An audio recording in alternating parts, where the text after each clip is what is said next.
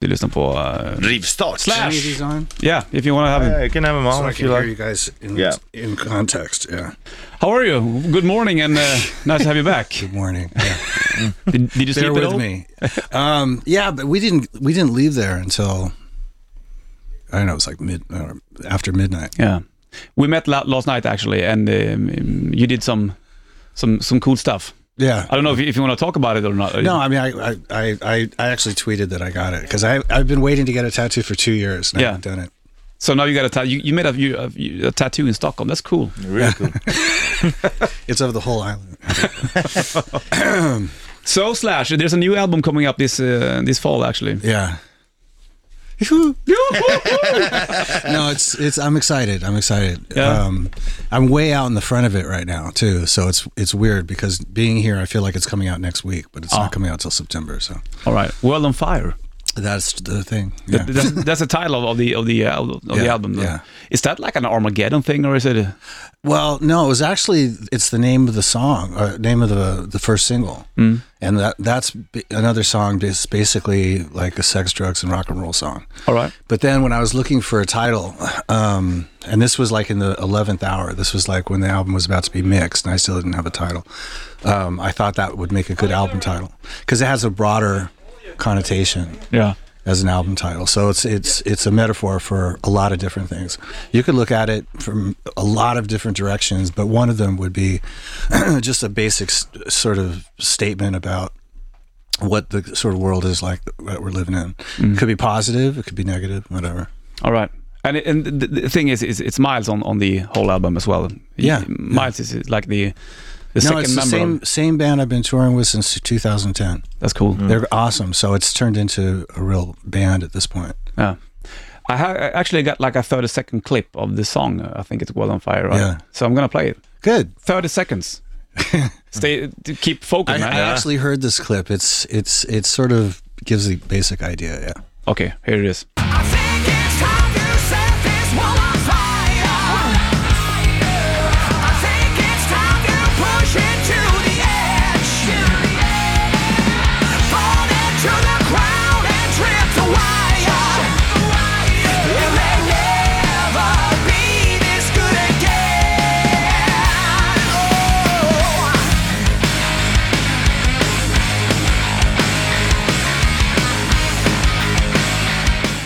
Rock and fucking roll, man. Yeah, man. There we go.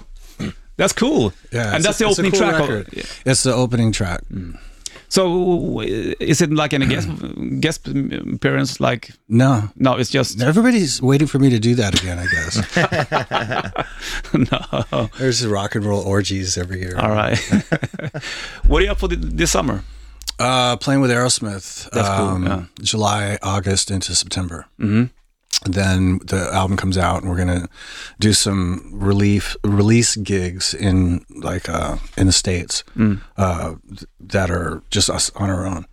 And then uh, October, I'll probably be doing promo and stuff again. And then uh, November, we're coming to Europe. That's cool. How's it going to be do- doing the the Aerosmith gigs? It's going to be quite cool. It's going to be cool, you Uh, know, because I'm tight with those guys, Mm-hmm. and and uh, they're one of the pretty much one of the only rock and roll bands like them, you know.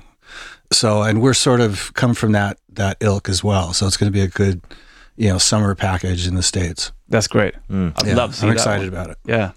Uh, according to the tattoos, uh, do, do, do you know how many tattoos you got there? How many tattoos I have? Um, not, I mean, a lot of separate ones, I Yeah. think, but I mean, I don't know, one, two, three, four, five, six, seven, eight, nine, 10, 11, 12, Around that. 13. Uh, And the first one you got, you were pretty young when you did the first. I was like 16. yeah. Did you have to have like a permission for that? Because I mean, in Sweden you have to be 18. I Yeah. think. Oh, really? Yeah. I don't know.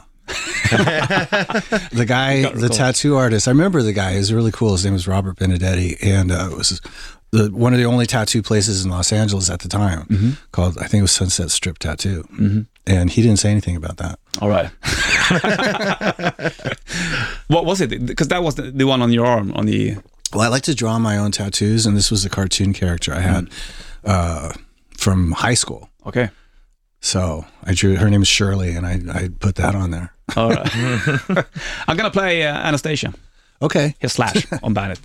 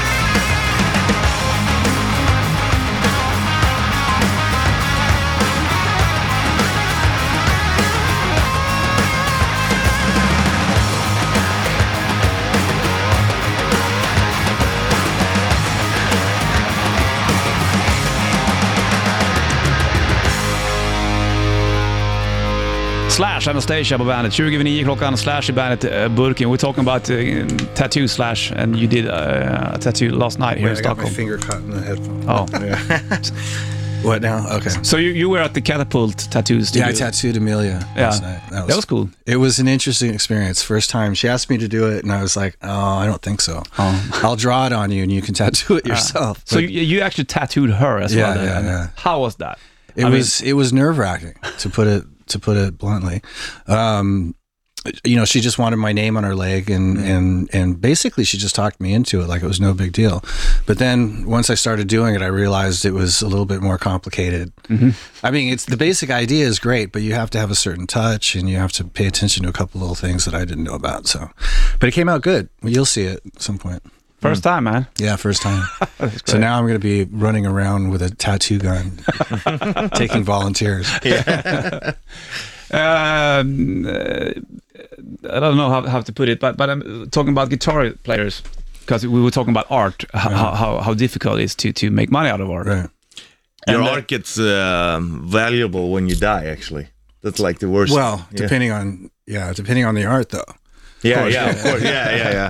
But with paintings and stuff. Mm, But I mean, if you're a guitar player these days, I mean, you're one of the last big guitar rock stars. If if you get me right here, do you know what I mean? But but I mean, the the attention for being a guitar player in the younger age these days isn't that big as Well, because I, I mean, I, I- you know, I, I really can't judge. I don't think I'm a, a source for, you know, really getting the accurate information is how this goes. But it seems like it's just often, more often than not, it gets very faceless. Yeah. You know, um, obviously in the in the 80s while there was the whole sort of heavy metal thing going on there was a lot of great guitar players coming out of that. There was also this push to to have less and less guitars in popular music. And it's just because guitar playing is actually hard. A lot of people can fake it and so you know but uh after a while they're just like well let's just not leave the guitar let's not have a guitar solo? Yeah. Mm. which is which is cool for some things but in rock and roll it's a pretty essential it is. thing. Yeah. But a lot of people don't want to do the work that goes into it. They just want to get that sound. So mm. they uh, they make it so that it's not really real. Mm. You know, there's a lot of that happening. Have you tried like uh, some other kind of instruments, uh, string instruments, uh, like Middle Eastern style sitars? Or I have a sitar at home. Yeah. Um, uh, you know, I play bass and stuff, but I I played banjo, I played mandolin. I, I you know, whenever something calls for a certain sound, I can adapt to that instrument just enough to be able to play the part. Uh, is there any uh, other kind of that, that kind of instrument on, on World on Fire? Is it It's all guitars. all guitars? Yeah. Because that I played the guitars on this record. Myles just sang, and it was just fun just doing guitars. I played some six string bass. All right. You did. Um, yeah, I played. Uh, You slapped the bass. Bass. no, no, no. It was it was not a slap tight style thing. Myles is a good guitar player as He's well. he's an incredible guitar Yeah. player. I mean, I, he teaches me licks because he's very schooled, and he was actually a guitar teacher. He was a guitar player before he started singing, and he he discovered his uh, however many range, however many octave range voice that he has. when he got sick of looking for good singers, which I've been through before, I remember in high school and beyond. Um, and so he discovered that he could sing. So that which which was very advantageous. So he went on to be a singing guitar player. And then when i hooked up with him i just wanted his vocals really. But it turned out that he was just this incredible guitar player as well so he teaches you some licks as well. he knows all this crazy stuff and I'll, he'll teach it to me in the morning and i'll throw it in the set that night you know All right, that's cool. But but live, is he doing the guitars as well? He does a little bit he plays a little on anastasia at the end while i'm doing all that guitar soloing stuff and uh there's a couple other songs i think he played guitar on live on watch this which is an instrumental um he plays a little guitar on welcome to the jungle just to give him something to do because todd's singing you know so it pops up here and there okay. but on this record no Uh, when you go with Aerosmith, will it be like? Because I remember the gig in Paris. I got it on VHS actually. I think there was a Use Your Illusion tour, and oh uh, and- guns N' roses yeah, a- and uh, Steven Tyler was. Joe and Steven came up, and Jeff Beck. But Jeff Beck, All right. Jeff Beck wasn't. He came to sound check, and we blew his ears out, what? and so he didn't do the show. And Lenny Really? Kravitz was there too. exactly. And Anyway, yeah, I, th- I think you played Mama Kin, right? Mama Kin and Train Kept a Rolling. Yeah, yeah. Will you do some some stuff with Aerosmith in this story? The chances are, whenever I see those guys, I always jam with them, and and I think Joe had mentioned coming and jamming with us, so mm. I'm sure we'll. we- I mean, if anything, it's it's always nice to do something like that just to keep it interesting as you go. Because a couple months on the road straight, you start looking for different angles. Yeah, mm. Yeah, for sure. Favorite Aer- Aerosmith album? Uh, Rocks. rocks, yeah. Yeah, I mean, I love Toys in the Attic. I love all the Aerosmith records, but the one, the pivotal record for me was the the one when I just started playing guitar. Was Rocks. It's, It was like it completely spoke to me. I think I read that in your book actually. 'cause you- It's there's some mention. I don't know. I haven't read that book since I wrote it. I can't forgot what I said in it. but I just I just read Joe Perry's book. all right. How's that? Um, it's um, it's talk about. I mean, it's the most thrilling book I've read outside of a horror novel. really? it's intense. Yeah, it's really good. Aerosmith guys. Yeah, it starts from the beginning and through every single up and down, which there are many, constantly throughout the whole book. So it's always like it's like a white knuckle book, you know. Especially if you're in a band. What can you tell me about the cover of of um, World on Fire?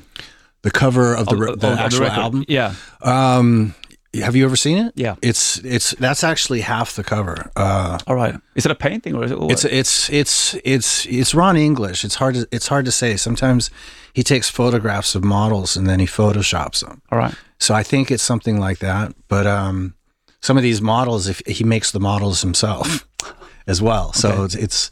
But he's he's really brilliant, and he's one of my one of my favorite pop art guys. And so I called him up.